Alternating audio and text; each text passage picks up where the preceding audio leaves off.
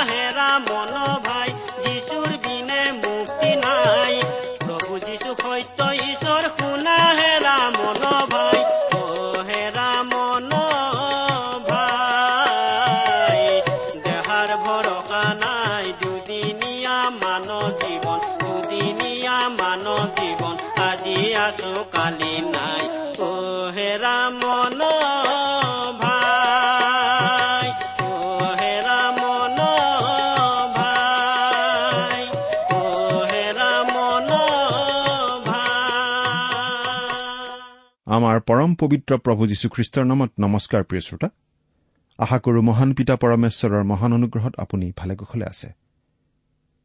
আপুনি বাৰু আমাৰ এই ভক্তিবচন অনুষ্ঠানটো নিয়মিতভাৱে শুনি আছেনে? এই অনুষ্ঠান শুনি আপুনি বাৰু কেনে পাইছে? আমালৈ চিঠি লিখি জনাবচোন।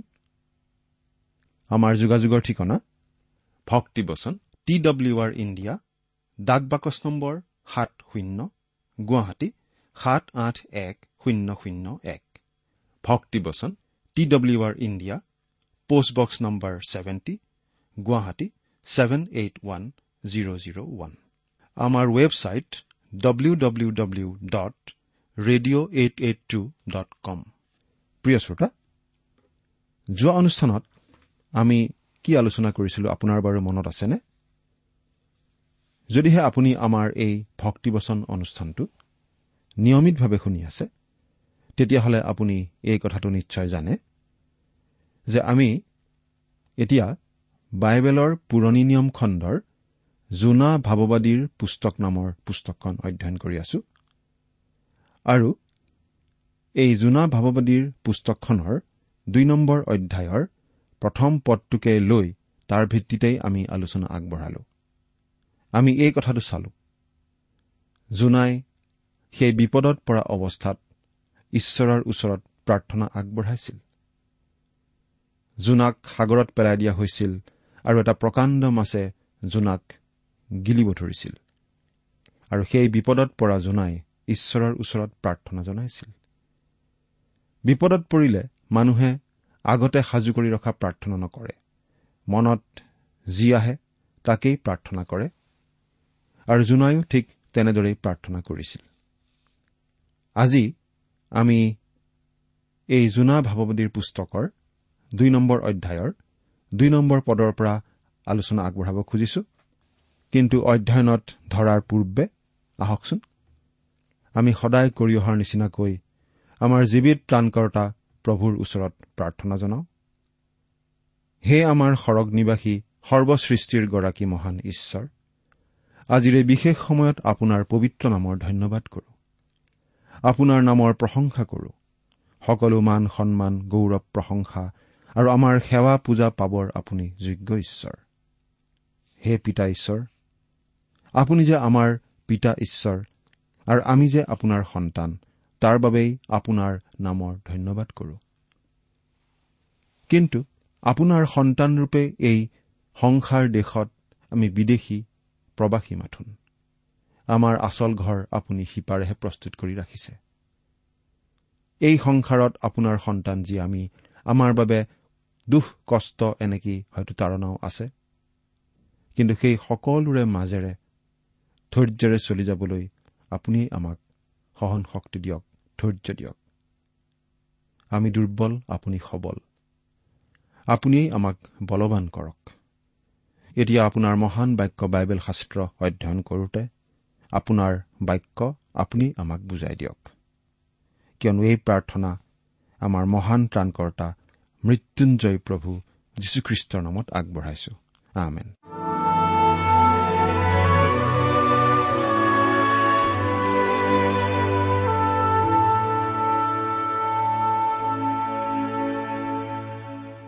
প্ৰিয় শ্ৰোতা আপোনাৰ হাতত যদি বাইবেলখন আছে তেতিয়াহ'লে বাইবেলৰ পুৰণি নিয়ম খণ্ডৰ পৰা জোনা ভাৱবাদীৰ পুস্তকখন উলিয়াই লওক। আৰু যদিহে লগত বাইবেল নাই আমি বাইবেলৰ পৰা পাঠ কৰি দিলে অনুগ্ৰহ কৰি মনোযোগেৰে শুনিব। জোনা ভাৱবাদীৰ পুস্তকৰ দুই নম্বৰ অধ্যায়ৰ দুই নম্বৰ পদ। ইয়াত আমি পাওঁ জোনা ভাৱবাদীয়ে কৰা প্ৰাৰ্থনাৰ কথা। পঢ়ি দিছো। তেওঁ কলে মোৰ দুখৰ কাৰণে মই জিহুৱাৰ আগত প্ৰাৰ্থনা কৰিলো। তাতে তেওঁ মোক উত্তৰ দিলে। মই চিউলৰ ভিতৰৰ পৰা কাটৰোক্তি কৰিলো। তুমি মোৰ স্বৰ শুনিলা। মোৰ দুখৰ কাৰণে মই জিহুৱাৰ আগত প্ৰাৰ্থনা কৰিলো। তাতে তেওঁ মোক উত্তৰ দিলে। প্ৰথমতে লক্ষ্য কৰকচোন। ঈশ্বৰে জোনাক প্ৰাৰ্থনাৰ উত্তৰ দিলে। এই কথাটো মন কৰক। যে জোনাই যি প্ৰাৰ্থনা কৰিছিল সেই প্ৰাৰ্থনাৰ উত্তৰ ঈশ্বৰে দিলে। মই চিউলৰ ভিতৰৰ পৰা কাটাৰোক্তি কৰিলো। এইখিনি ইংৰাজীৰ দ্য নিউজ কফিল্ড ৰেফাৰেন্স বাইবেলত এনেদৰে অনুবাদ কৰিছে। চিউলৰ ভিতৰৰ পৰা কাটাৰোক্তি কৰিলো। নৰকৰ ভিতৰৰ পৰা নহয়। আৰু সেইটোৱেই ইব্ৰী ভাষাৰ পৰা লোৱা নিশ্চিত শুদ্ধ শব্দ। কেতিয়াবা শাস্ত্ৰই এই চিউল শব্দৰ অৰ্থ মৈদাম বুলিও ভাঙনি কৰে আৰু আন কিছুমান ঠাইত ইয়াৰ অৰ্থ হৈছে অদৃশ্য সংসাৰ যলৈ মৃতবোৰ যায়গৈ মৃত্যুৰ পাছত। যি কি নহওক আমি ইয়াত এই কথাটোৱেই মন কৰা উচিত যে এই শব্দটো মৃত্যুৰ সৈতে ব্যৱহাৰ কৰিব লগা শব্দ। এইটোৱেই এনে এটা শব্দ যি শব্দ সদায়েই মৈদামৰ সৈতে জড়িত। আৰু আপুনি ইয়াক আন একো ঠাইলৈ লৈ যাব নোৱাৰে। সেইবাবেই আমাৰ ভাঙনিটো হৈছে এনেকুৱা ধৰণৰ। জোনাই কৈ আছে মাছৰ পেটটো তেওঁৰ বাবে মৈদাম স্বৰূপ আছিল। আৰু মৈদাম হৈছে মৃতলোকৰ ঠাই। আপুনি বা মই কেতিয়াও কোনো জীৱিত লোকক মৈদামৰ ভিতৰত নথওঁ। নহয় জানো? জোনাই ধৰিব পাৰিছিল যে সেই মাছৰ পেটৰ ভিতৰত তেওঁৰ মৃত্যু হ'ব। সেয়েহে ঈশ্বৰে তেওঁৰ প্ৰাৰ্থনা শুনিছিল আৰু তেওঁক মৃত্যুৰ পৰা পুনৰ তুলিছিল। ইয়াত মন কৰিবলগীয়া বৰ দৰকাৰী কথাটো হৈছে এইয়ে যে মাছৰ পেটৰ ভিতৰৰ পৰা জোনাই জিহুৱাৰ আগত প্ৰাৰ্থনা কৰিছিল চিউলৰ ভিতৰৰ পৰা মৈদামৰ ভিতৰৰ পৰা। আৰু সেইটো হৈছে মৃতকৰ ঠাই। তাত জোনাই নিজকে মৃতকৰ দৰে অনুভৱ কৰিছিল। আৰু তেওঁ নিজৰ মৈদামতেই আছিল। সেই মৈদাম হৈছে মাছৰ পেট। আমি এই কথাও মনত ৰাখিব লাগে যে যেতিয়া জোনা মাছৰ পেটৰ ভিতৰত আছিল তেতিয়া তেওঁ এইবোৰ কথা লিখা নাছিল। তেওঁ পাছতহে লিখিছিল। যদি জোনাই মাছৰ পেটত জীৱিত হৈ আছিল বুলি আপোনাৰ মত তেন্তে আপুনি আজিৰ সৰহভাগ মানুহৰ লগতেই একেলগে আছে। কিয়নো এই জোনা পুস্তকখনৰ অৰ্থ ব্যাখ্যা কৰোতা সংখ্যাগৰিষ্ঠ লোকৰ সৈতে আপুনি আছে। কাৰণ সৰহভাগ লোকৰ মতৰ লগত একমত হৈ আপুনি অনুভৱ কৰিব পাৰে যে আপুনি ঠিক পক্ষত আছে। কিন্তু অৱশ্যে যদিহে আপুনি শুদ্ধ মতলৈ আহিব বিচাৰে নিঃসন্দেহে আমাৰ মতৰ সৈতে আপুনি আহিব লাগিব। এবাৰ এজন বিখ্যাত বাইবেল শিক্ষকৰ ওচৰলৈ এজন ডেকা ল'ৰা আহি এই বুলি কৈছিল মই যীশুখ্ৰীষ্টক ত্ৰাণকৰ্তা বুলি গ্ৰহণ কৰিব বিচাৰো। কিন্তু মোৰ এটা সমস্যা আছে। সেই সমস্যাটো মই পাৰ হ'ব পৰা নাই। তেতিয়া সেই বাইবেল শিক্ষকজনে তেওঁক সুধিলে তোমাৰ সমস্যাটোনো কি? ডেকাজনে উত্তৰ দিলে মই এই কথাটো বিশ্বাস কৰিব নোৱাৰো যে এজন মানুহে এটা মাছৰ পেটৰ ভিতৰত তিনিদিন তিনি ৰাতি জীয়াই থাকিব পাৰে। তেতিয়া বাইবেল শিক্ষকজনে সুধিলে তুমিনো সেইটো ক'ত পালা? ডেকাজনে কলে মই ভাবো বাইবেলত তেনেকৈ লিখা আছে। বহুতো শিক্ষক আৰু প্ৰচাৰকেতো তেনেকৈ কয় আৰু বহুতো মানুহে সেই বিষয়ে ঠাট্টা কৰাও মই শুনিছো। তেতিয়া সেই বাইবেল শিক্ষকজনে উত্তৰ দিলে বাইবেলে কোৱা নাই যে জোনা মাছৰ পেটৰ ভিতৰত জীৱিত অৱস্থাত আছিল। তাৰ পাছত তেওঁ জোনা দুই নম্বৰ অধ্যায়ৰ দুই নম্বৰ পদৰ পৰা দেখুৱাই কলে যে জোনাই কৈছে মাছৰ পেটটো তেওঁৰ বাবে চিউল বা মৈদাম। কোনো জীয়া মানুহ মৈদামত নাথাকে। তাত মৰা মানুহে থাকে। অৰ্থাৎ মাছৰ পেটৰ ভিতৰত জোনাৰ মৃত্যু হৈছিল। তাৰমানে আপুনি ক'ব খোজে নেকি যে জোনা মৰিছিল আৰু সেই মৃত অৱস্থাৰ পৰা জোনাক ঈশ্বৰে আকৌ জীয়াই তুলিছিল? ডেকাজনে সুধিলে। ঠিক তাকেই মই ক'ব খুজিছো। সেইবুলি সেই বাইবেল শিক্ষকজনে উত্তৰ দিলে। আৰু এইটো এটা অলৌকিক ঘটনা আছিল। প্ৰিয় শ্ৰোতা আপুনি যদি বিশ্বাস কৰে যে জোনা মাছৰ পেটৰ ভিতৰত জীয়াই আছিল আপুনি কৰিব পাৰে। কিন্তু আমি বিশ্বাস কৰো যে জোনা জীয়াই থকা নাছিল জোনা মৰিছিল আৰু ঈশ্বৰে তেওঁক আকৌ জীয়াই তুলিছিল। আমি বিশ্বাস কৰো ঈশ্বৰে জোনাক মাছৰ পেটৰ ভিতৰত জীয়াই ৰাখিব পাৰিলেহেঁতেন। কিন্তু তেওঁক জীয়াই ৰাখিছিল নে? তেওঁক তেনেদৰে মাছৰ পেটৰ ভিতৰত জীয়াই ৰখাটো বেছি আচৰিত কথা নে তেওঁক মৰাৰ পৰা ঈশ্বৰে পুনৰ জীয়াই তোলাটো বেছি আচৰিত কথা? যিহেতু এই পুস্তকখনে পুনৰুত্থানৰ কথাতহে বেছি গুৰুত্ব দিয়ে গতিকে আমি বিশ্বাস কৰো যে জোনা মাছৰ পেটৰ ভিতৰত মৰিছিল আৰু ঈশ্বৰে তেওঁক পুনৰ জীয়াই তুলিছিল। বহুতো মানুহে আকৌ কথাটো আন ধৰণে ব্যাখ্যা কৰিব খোজে। তেওঁলোকে জোনা মাছৰ পেটত জীয়াই থকাটো স্বাভাৱিকভাৱেই সম্ভৱ বুলি দেখুৱাব খোজে। অৰ্থাৎ যদিহে আপুনি বিশ্বাস কৰে যে জোনাই মাছৰ পেটৰ ভিতৰত জীৱিত অৱস্থাত আছিল সেইটো একো আচৰিত বিষয় নহয় কাৰণ তেনেকুৱা অভিজ্ঞতা আন কিছুমান মানুহৰ ক্ষেত্ৰতো হৈছিল।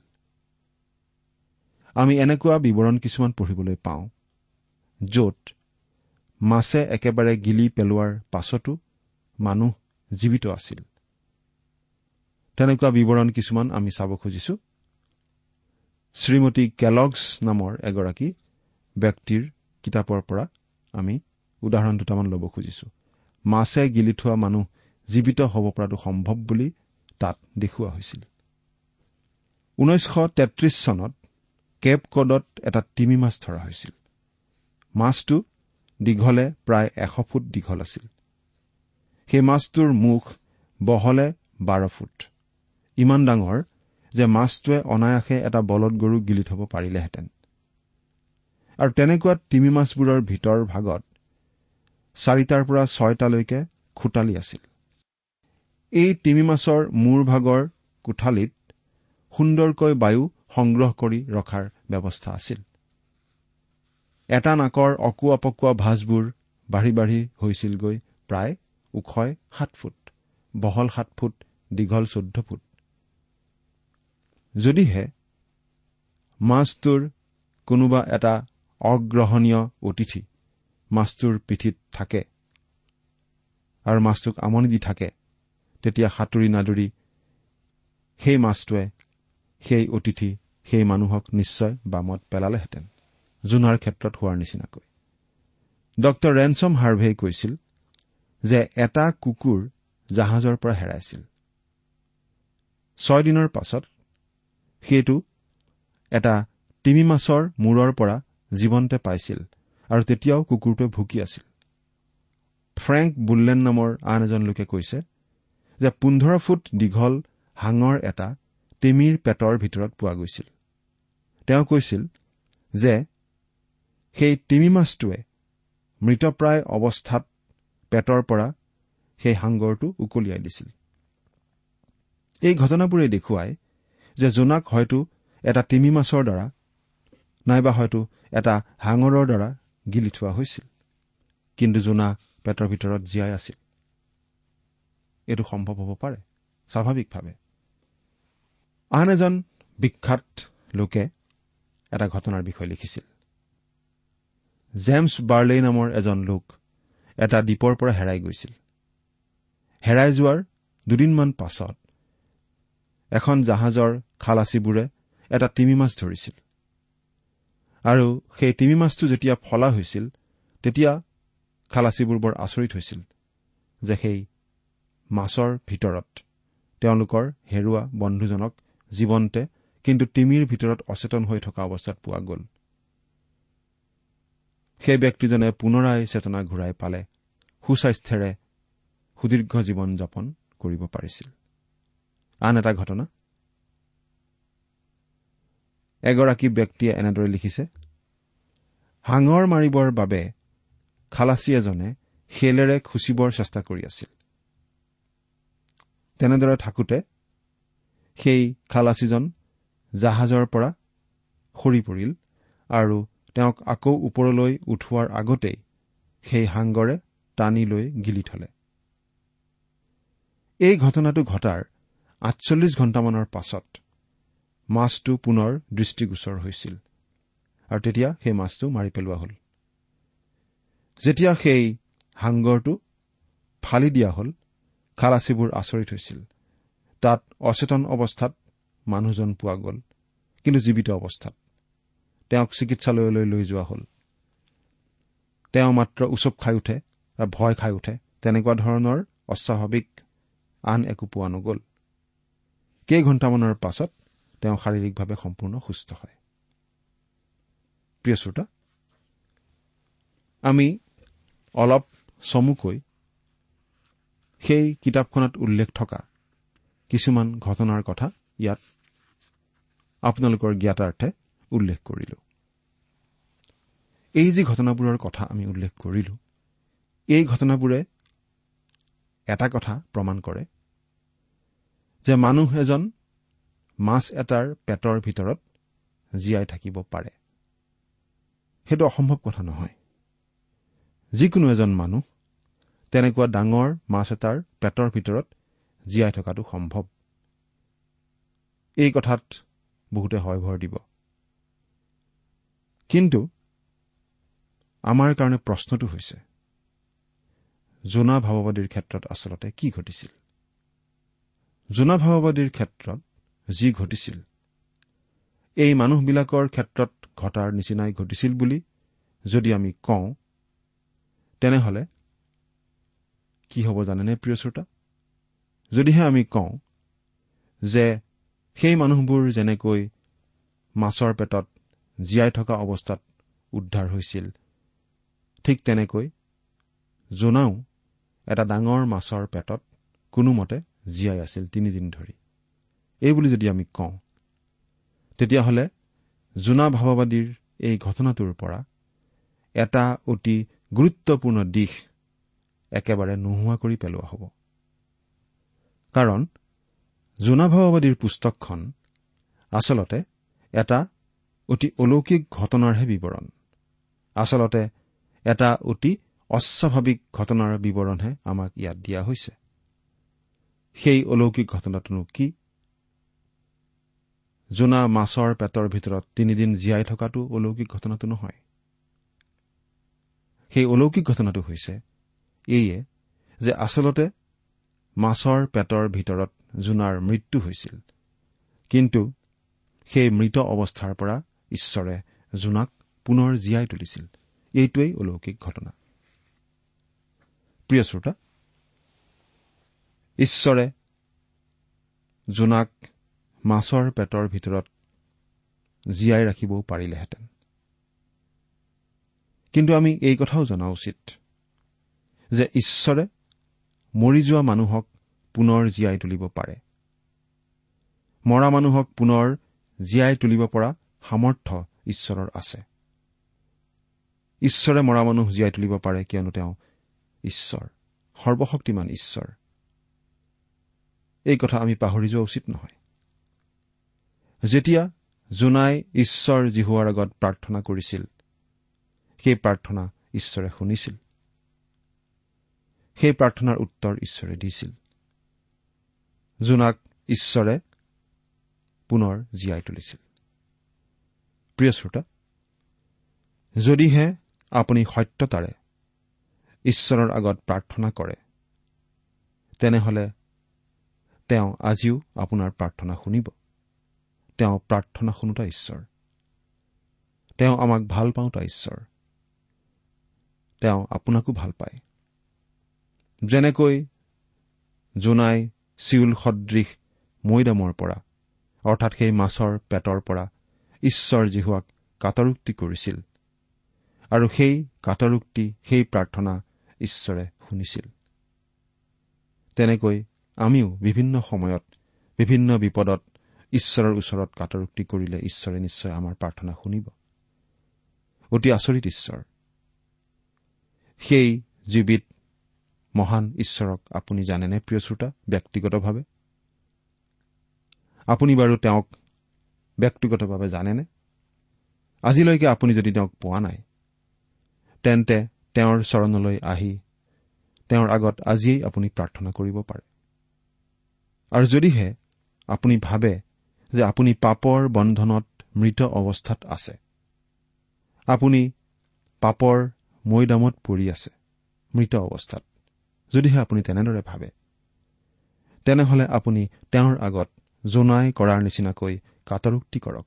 প্ৰাৰ্থনা কৰক।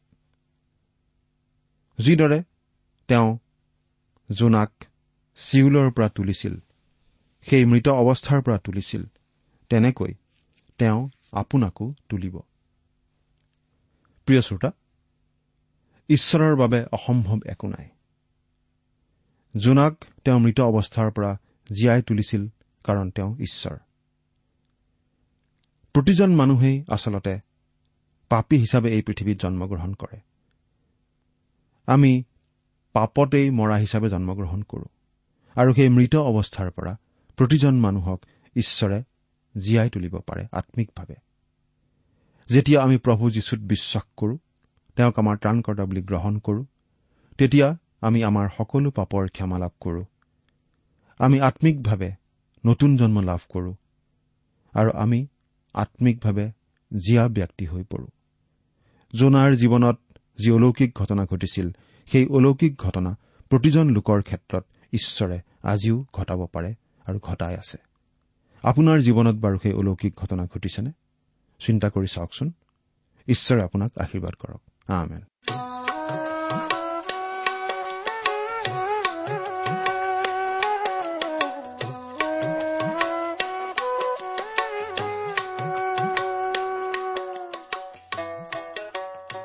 ইমান পৰে আপুনি ভক্তিবচন অনুষ্ঠানটি শুনিলে? এই বিষয়ে আপোনাৰ মতামত জানিবলৈ পালে আমি নথৈ আনন্দিত হ'ম আমি প্ৰস্তুত কৰা বাইবেল অধ্যয়নৰ আন চিডিসমূহ পাব বিচাৰিলেও আমালৈ লিখক। অনুষ্ঠানটি শুনি কেনে পালে আমালৈ চিঠি লিখি জনাবচোন? অনুষ্ঠানত প্ৰচাৰ কৰা কোনো কথা বুজিব লগা থাকিলেও আমালৈ লিখক। আমাৰ ঠিকনা? ভক্তিবচন ট্ৰান্স ৱৰ্ল্ড ৰেডিঅ' ইণ্ডিয়া ডাক বাকচ নম্বৰ সাত শূন্য গুৱাহাটী সাত আঠ এক শূন্য শূন্য এক। ঠিকনাটো আৰু এবাৰ কৈছো ভক্তিবচন ট্ৰান্স ৱৰ্ল্ড ৰেডিঅ' ইণ্ডিয়া ডাক বাকচ নম্বৰ সাত শূন্য গুৱাহাটী সাত আঠ এক শূন্য শূন্য এক। আমাৰ ইমেইল এড্ৰেছটো হৈছে এছএমইজ T T B at the rate radio' eight eight two dot com. আমাৰ ৱেবছাইট ইন আপুনি টেলিফোনৰ মাধ্যমেৰেও আমাক যোগাযোগ কৰিব পাৰে। আমাৰ টেলিফোন নম্বৰটো হৈছে শূন্য তিনি ছয় এক দুই ছয় শূন্য চাৰি ছয় সাত এক। ফোন নম্বৰটো আকৌ এবাৰ কৈছো zero' three six one two six zero' four six seven one আজিৰ অনুষ্ঠানটি ইমানতে সামৰিছো। ঈশ্বৰৰ শান্তি আৰু অনুগ্ৰহ আপোনাৰ লগত থাকক। ধন্যবাদ।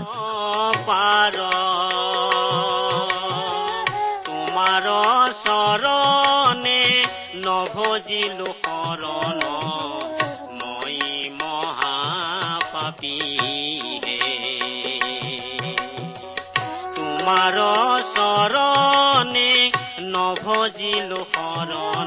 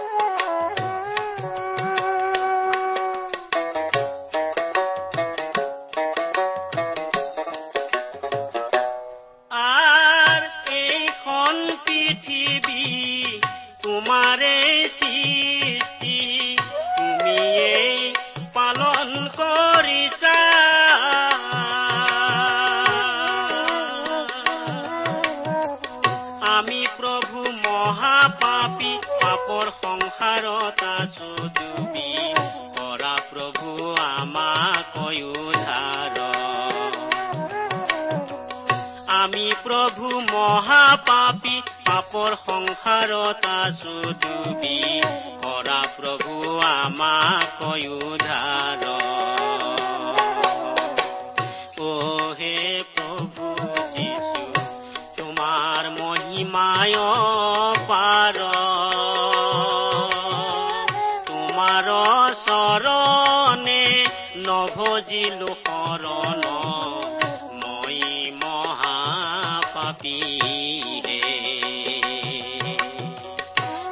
তোমাৰ চৰণে নভজিলো শৰণ।